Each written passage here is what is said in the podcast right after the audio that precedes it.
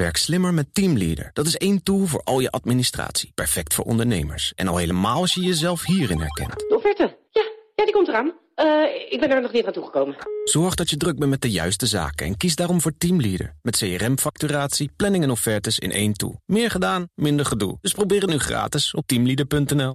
Dit is de Oekraïne Ochtend Update. Mijn naam is Geert-Jan Haan. En ik ben Bernard Hammelburg. We praten hierbij over de laatste ontwikkelingen in Oekraïne. En de gevolgen voor en de reacties van de buitenwereld. Je vindt deze podcast in je favoriete podcast-app. Het is vandaag 10 januari 2023, dinsdag. Naast me zit Ivan Verrips. Goedemorgen Bas. Ja, Ivan, we gaan eens eventjes praten over, de, over Oekraïne, de situatie daar. Want uh, Zelensky zei het vannacht al. Uh, de Russische troepen die doen alle pogingen, echt verwoede pogingen... om uh, Soledar in te nemen. Dat is een dorpje in de buurt van het Bakhmut, waar hard gevochten wordt. Ja, in de Donbass is het dus nog steeds onrustig. We gaan praten met Europa-verslaggever Geert-Jan Haan. Goedemorgen, Geert-Jan. Goedemorgen. En buitenlandcommentator Bernard Hammelburg. Nou, Goedemorgen.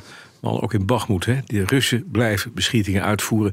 Het lijkt een beetje inderdaad wat we al zeggen in deze winter... of het conflict wat vastzit en daar zich concentreert... waar hard gevochten wordt. We weten in Bagmoed, daar liggen ook die troepen van Wagner... van meneer Prigozhin. Uh, Geert-Jan, uh, de Oekraïners zeggen nu... er wordt hard gevochten. Boeken ze daar enig succes?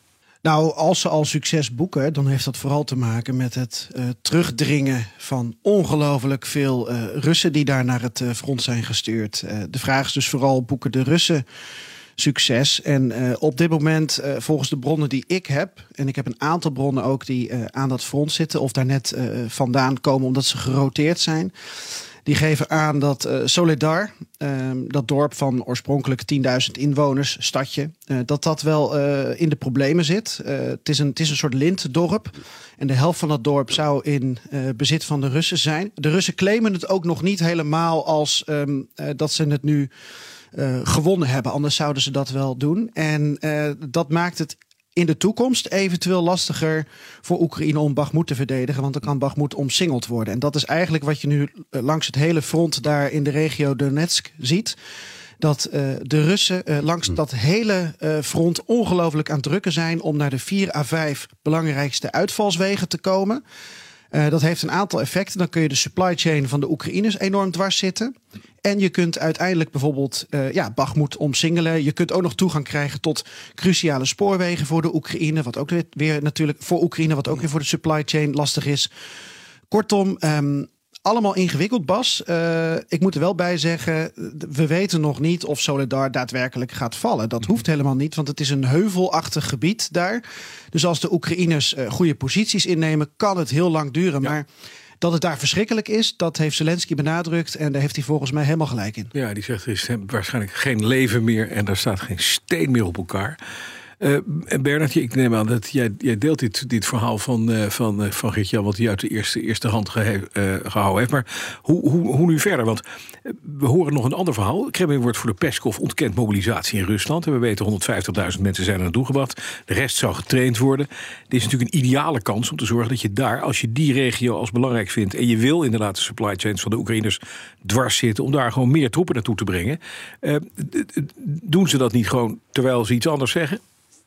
Dat zou heel goed kunnen. Um, ik heb steeds de indruk dat dat, dat allemaal grootspraak is. En het verhaal over extra mobilisatie komt uit Oekraïnse uh, uh, kant. Dus um, de, de, de, de Russen die, die zeggen nee, dat, dat, dat gebeurt niet of het is niet nodig. Peskov heeft daar dingetje, dingen over gezegd. Um, wat ik ervan begrijp is dat wat er nu ligt aan troepenmacht ongeveer 150.000 man is.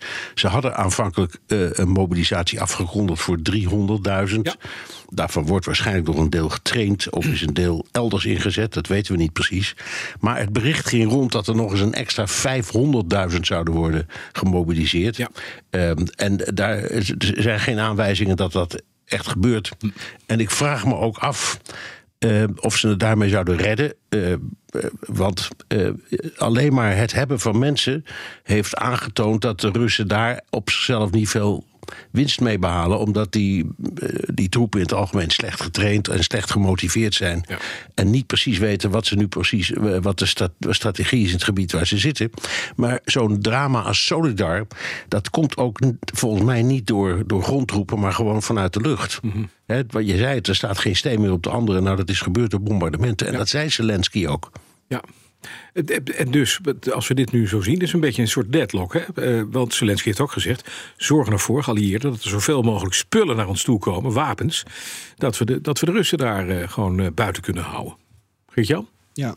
Ja, Zelensky houdt het verhaal dat we kennen van afgelopen voorjaar. Ik denk van, van vorig jaar mei of juni. Toen er ook zo ongelooflijk hard in eh, de Donbass-regio werd gevochten. En waar eh, na de hand van bekend werd dat Oekraïne daar eh, eigenlijk de Russen bezig heeft gehouden. Zodat ze die in de tussentijd konden hergroeperen en die wargames konden oefenen met de Amerikanen en de Britten om dan in andere regio's toe te slaan. Hè? Wat we hebben gezien in de regio Kharkiv en de regio Gerson. Dus Ja.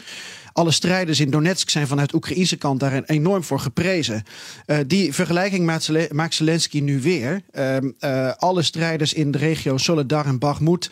die doen nu hun uiterste best om tijd te winnen voor Oekraïne... zodat die wapens aan kunnen komen, op de juiste plek kunnen Ja. komen... en zodat er elders dan een offensief kan komen. Alleen, dat weten wij nu natuurlijk niet. Het zou super interessant zijn om erachter te komen... welke wargames er nu geoefend worden... en wat het strijdplan van Oekraïne dan is. Ja. Eh, we zitten in een, in een soort ja, gruwelijke tussenfase, om het maar even zo eh, te noemen. Nou. Eh, als ik nog één kort dingetje over Soledar mag zeggen, want dat schoot me ineens eh, vannacht te binnen. Ehm, eh, Soledar heeft ook voor, voor Nederland nog wel een nou, piepkleine betekenis. Toen de ramp met de MH17 eh, plaatsvond, 17 juni, juli 2014, toen dat vliegtuig werd neergeschoten. Toen eh, werd vier dagen later Soledar bevrijd. Dat was toen eh, ook door Rusland eh, bezet.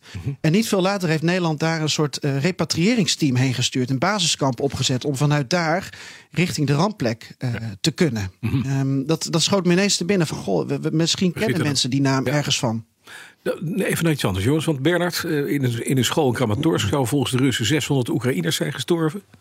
En het wordt ontkend. Wat- Ja, dat verhaal dat, dat gaat nu al een paar dagen rond. Ja, Ehm, en ehm, het, het is heel moeilijk, zoals je weet, bij dit soort dingen om te, kijken wie je gelooft. De, de Russen zeggen we hebben 600 Oekraïners ehm, vermoord. En Oekraïne zegt we weten van niks. Nee.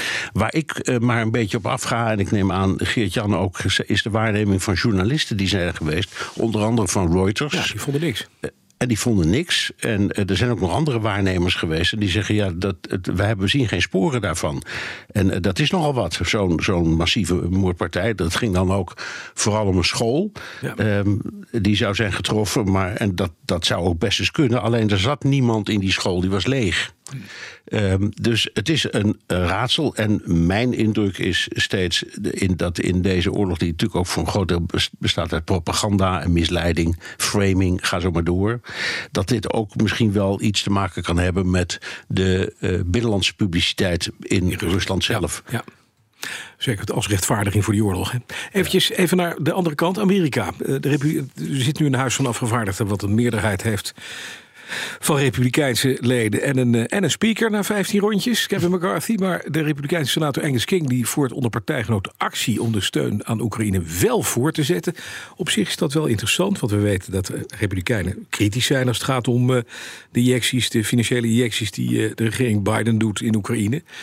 Is, dit, is er enig draagvlak voor, voor Angus King of is hij roepende in de woestijn? Nou, nee, ik denk dat het heel verstandig is dat hij dat heeft gedaan. hè. Kevin McCarthy, na 15 rondjes. eh, die, die riep voor die 15 rondjes al steeds heel hard. En ook tijdens de campagne.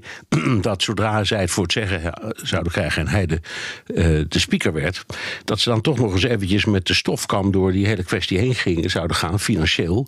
En dat Amerika niet kan bezig blijven met het schrijven, heeft hij een letterlijke citaat. van blanco checks aan eh, Oekraïne.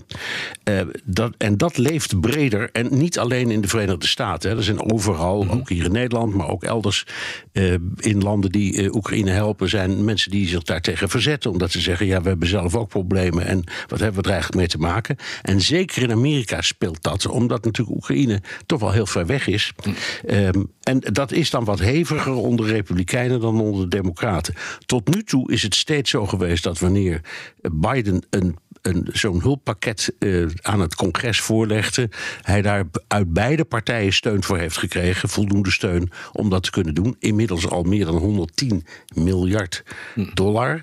Maar King, die, die, die senator, die ziet natuurlijk dat nu daar in, in het huis de, de, de machtsoverdracht aan de Republikeinen, met alle moeite die dat heeft gekocht, er toch een behoorlijke flank is van mensen die roepen. Uh, wij moeten daar gewoon wegwezen en we moeten ons daarvan terugtrekken. Uh, en die waarschuwt zijn eigen partijgenoten om dat niet te doen. Ik denk dat het heel verstandig is.